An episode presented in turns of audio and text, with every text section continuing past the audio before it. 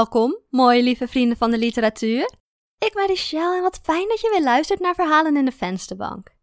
En het verhaal van deze week gaat over patronen. Patronen bijvoorbeeld, wiskundige patronen zoals in, in priemgetallen en non-priemgetallen, maar ook gedragspatronen binnen een relatie. Er is een hele beroemde spreuk van Maya Angelou die zegt: If somebody shows you who they are, believe them the first time.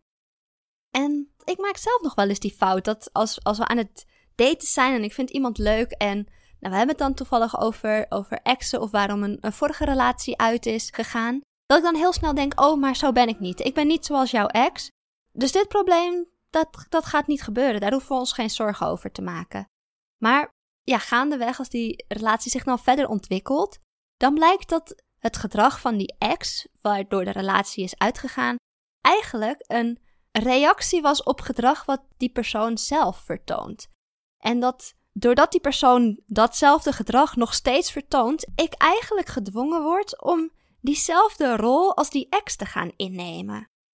En ik vind dat zo'n fascinerend gegeven dat, dat zo'n ja, gedragspatroon zich kan blijven herhalen, maar dan steeds ja, een tikkeltje gekanteld of zo. Ja, steeds net iets anders, want er is een andere persoon. Maar eigenlijk op, op een heel abstract niveau gebeurt er gewoon precies hetzelfde. Dus ja, daarover gaat eigenlijk het verhaal van deze week. Ik wens jullie heel veel plezier met het verhaal Patronen. Als je het nou mooi vindt of je wil iets vertellen over de patronen die jij tegenkomt of de patronen die jij observeert in jezelf of in een relatie, Kom dan even langs, bijvoorbeeld op Instagram www.verhalenindevensterbank.nl en praat mee, want we horen graag ook jouw verhaal. U gaat luisteren naar het verhaal Patronen, geschreven en voorgelezen door Richelle en Edens. Esther vertelde me precies wie ze was, eerlijk en zonder iets te verbergen, nog voor onze allereerste kus nog voordat we een relatie kregen. In haar vorige relatie was ze vreemd gegaan. En ze vond het zelf ook heel lelijk van zichzelf en ze was er absoluut niet trots op. Ze wilde geen excuses voor zichzelf maken, maar wel uitleg geven, context geven. Zij en haar toenmalige vriendin hadden een kind gekregen. En nadat dat kind eenmaal tevoorschijn was gekomen, had haar ex zich dermate op die baby gestort dat Esther zich emotioneel verwaarloosd voelde. Esther voelde zich buitengesloten. Misschien ook omdat die baby niet uit haar baarmoeder kwam, maar uit die van haar ex. Al weet ik dat niet zeker, dat heeft ze me nooit zo expliciet verteld. Ik haalde mijn schouders op en stelde haar gerust. Ik zei dat ik haar niet zou verwaarlozen. Als ik met iemand in een relatie ben, dan vind ik het juist leuk om tijd met die persoon door te brengen, zei ik. Bovendien deed ik niet eens aan monogamie. We hadden een open relatie, dus wat mij betreft mocht ze knuffelen, zoenen of vrijen met wie ze wilde, zonder dat ze mij daarmee kwetste of dat ze daarmee onze relatie op het spel zette. Ik was te verliefd om te horen wat ze me vertelde. Ik wilde haar vooral kussen. Ik wilde haar armen om mij heen voelen. Ik wilde iedere dag bij haar zijn en daarna wilde ik met haar samenwonen. Drie maanden woonden we hier nu. De woonkamer zag er af uit, maar in het kantoortje stonden nog dozen, blikken verf plastic zeiltjes en de elektrische boormachine van mijn vader, die we aanstonds toch een keer moesten teruggeven. We klusten al lang niet meer en ook vandaag lagen we de hele avond op de bank tegen elkaar aan en we keken Netflix tot het tijd was om naar bed te gaan. In mijn t-shirt en onderbroek en met mijn tandenborstel in mijn mond ging ik nog even achter de computer zitten. Net toen ik mijn mail wilde afsluiten, kwam er nog een berichtje binnen van een studente.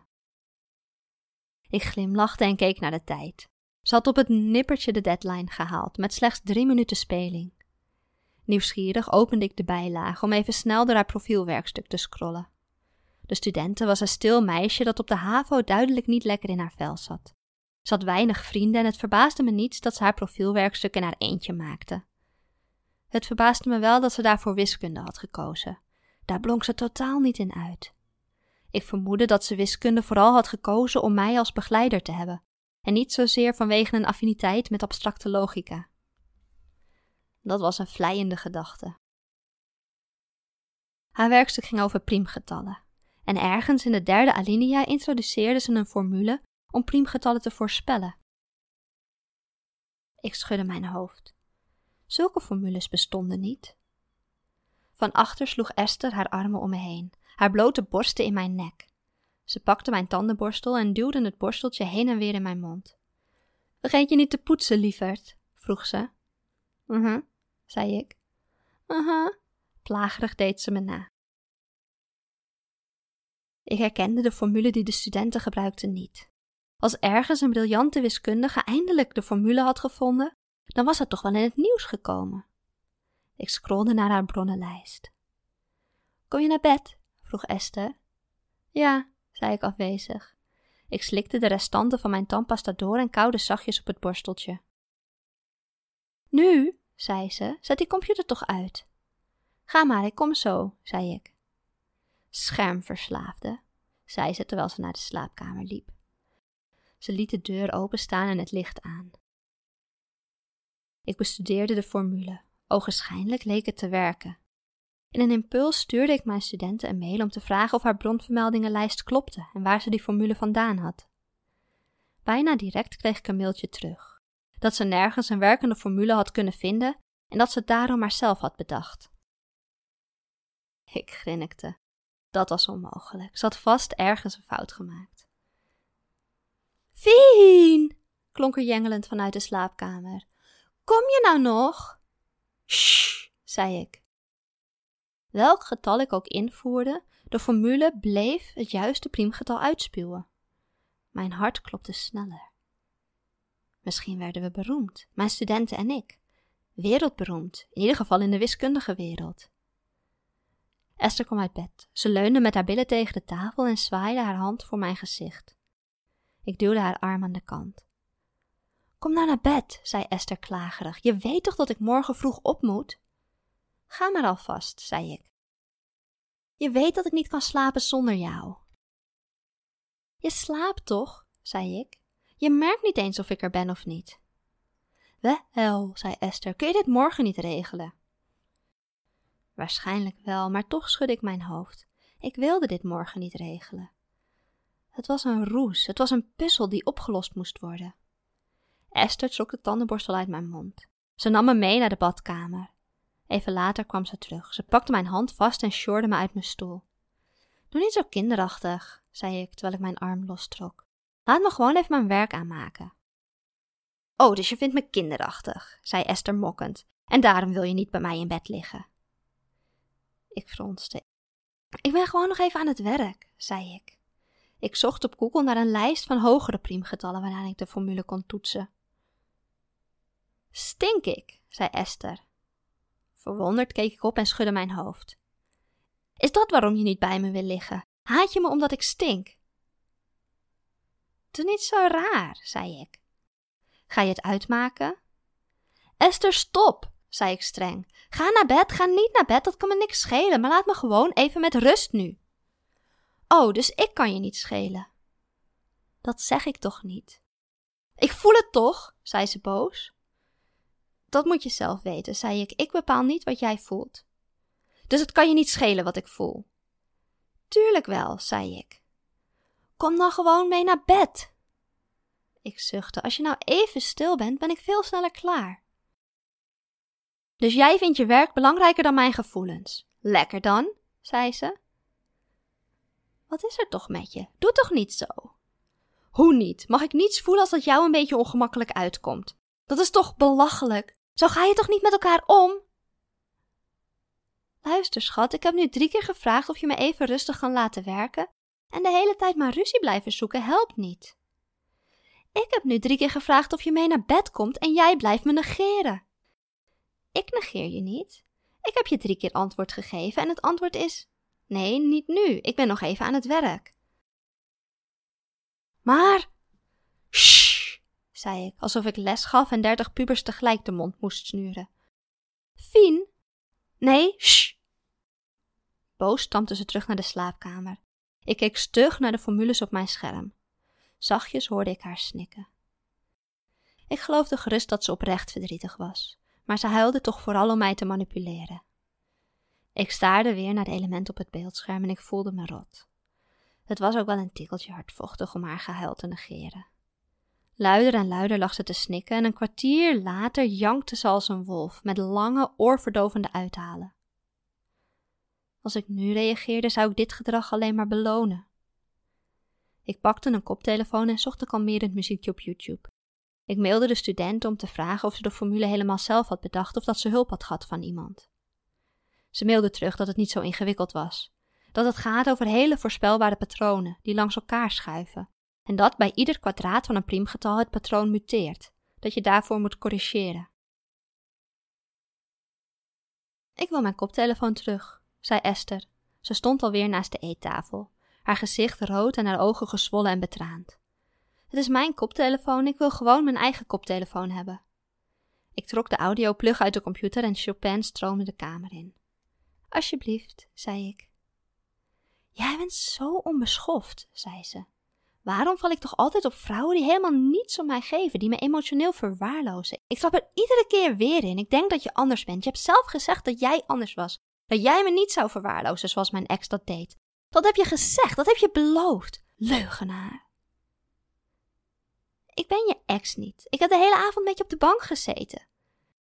Ik hap en vervloek mezelf dat ik me toch tot een antwoord heb laten verleiden. Ik ben alleen maar even vijf minuutjes aan het werk. Twintig, zegt Esther. Je negeert me nu al twintig minuten. Ik haal mijn schouders op. Jij kan zo vreed zijn soms. Ze neemt haar koptelefoon mee en grist haar telefoon van de bank en verdwijnt weer in de slaapkamer. Even later klinken er kreunende geluiden vanuit haar telefoon. Ze is overduidelijk porno aan het kijken. Heteroseksuele porno. Dat kijkt ze alleen als er boos op me is. Als ik niet reageer, zet ze het geluid steeds harder. Gebruik je koptelefoon, roep ik met gesloten ogen tegen het plafond van de woonkamer. Even later komt ze de slaapkamer weer uit. Dus je vindt het niet erg dat ik porno kijk, zegt ze.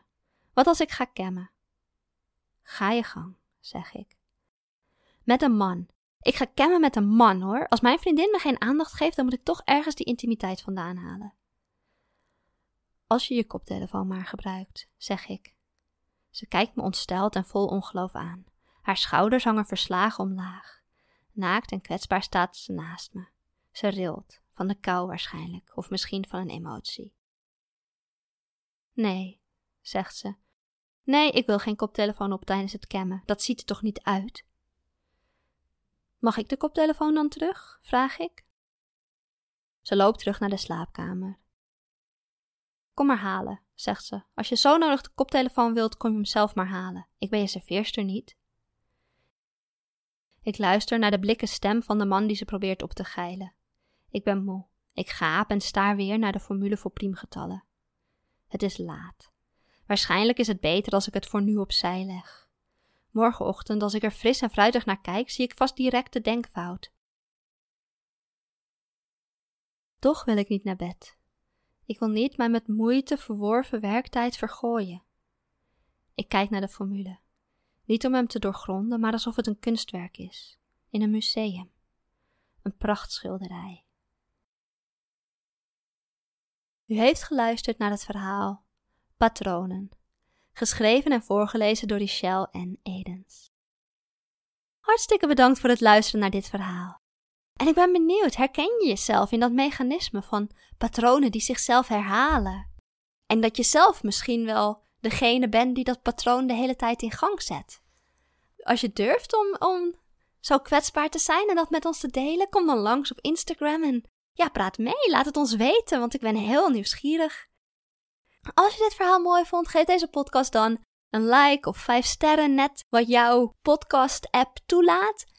En vertel erover aan een vriend, een vriendin, een moeder of een schoonvader, een oom, een buurvrouw of een collega. En vergeet niet deze podcast te volgen, want we hebben elke week een nieuw verhaal en we hebben jou er graag volgende week weer bij. Voor nu, een hele fijne avond en een hele fijne week. En ik zie jullie allemaal volgende week bij het volgende verhaal. Doei doei!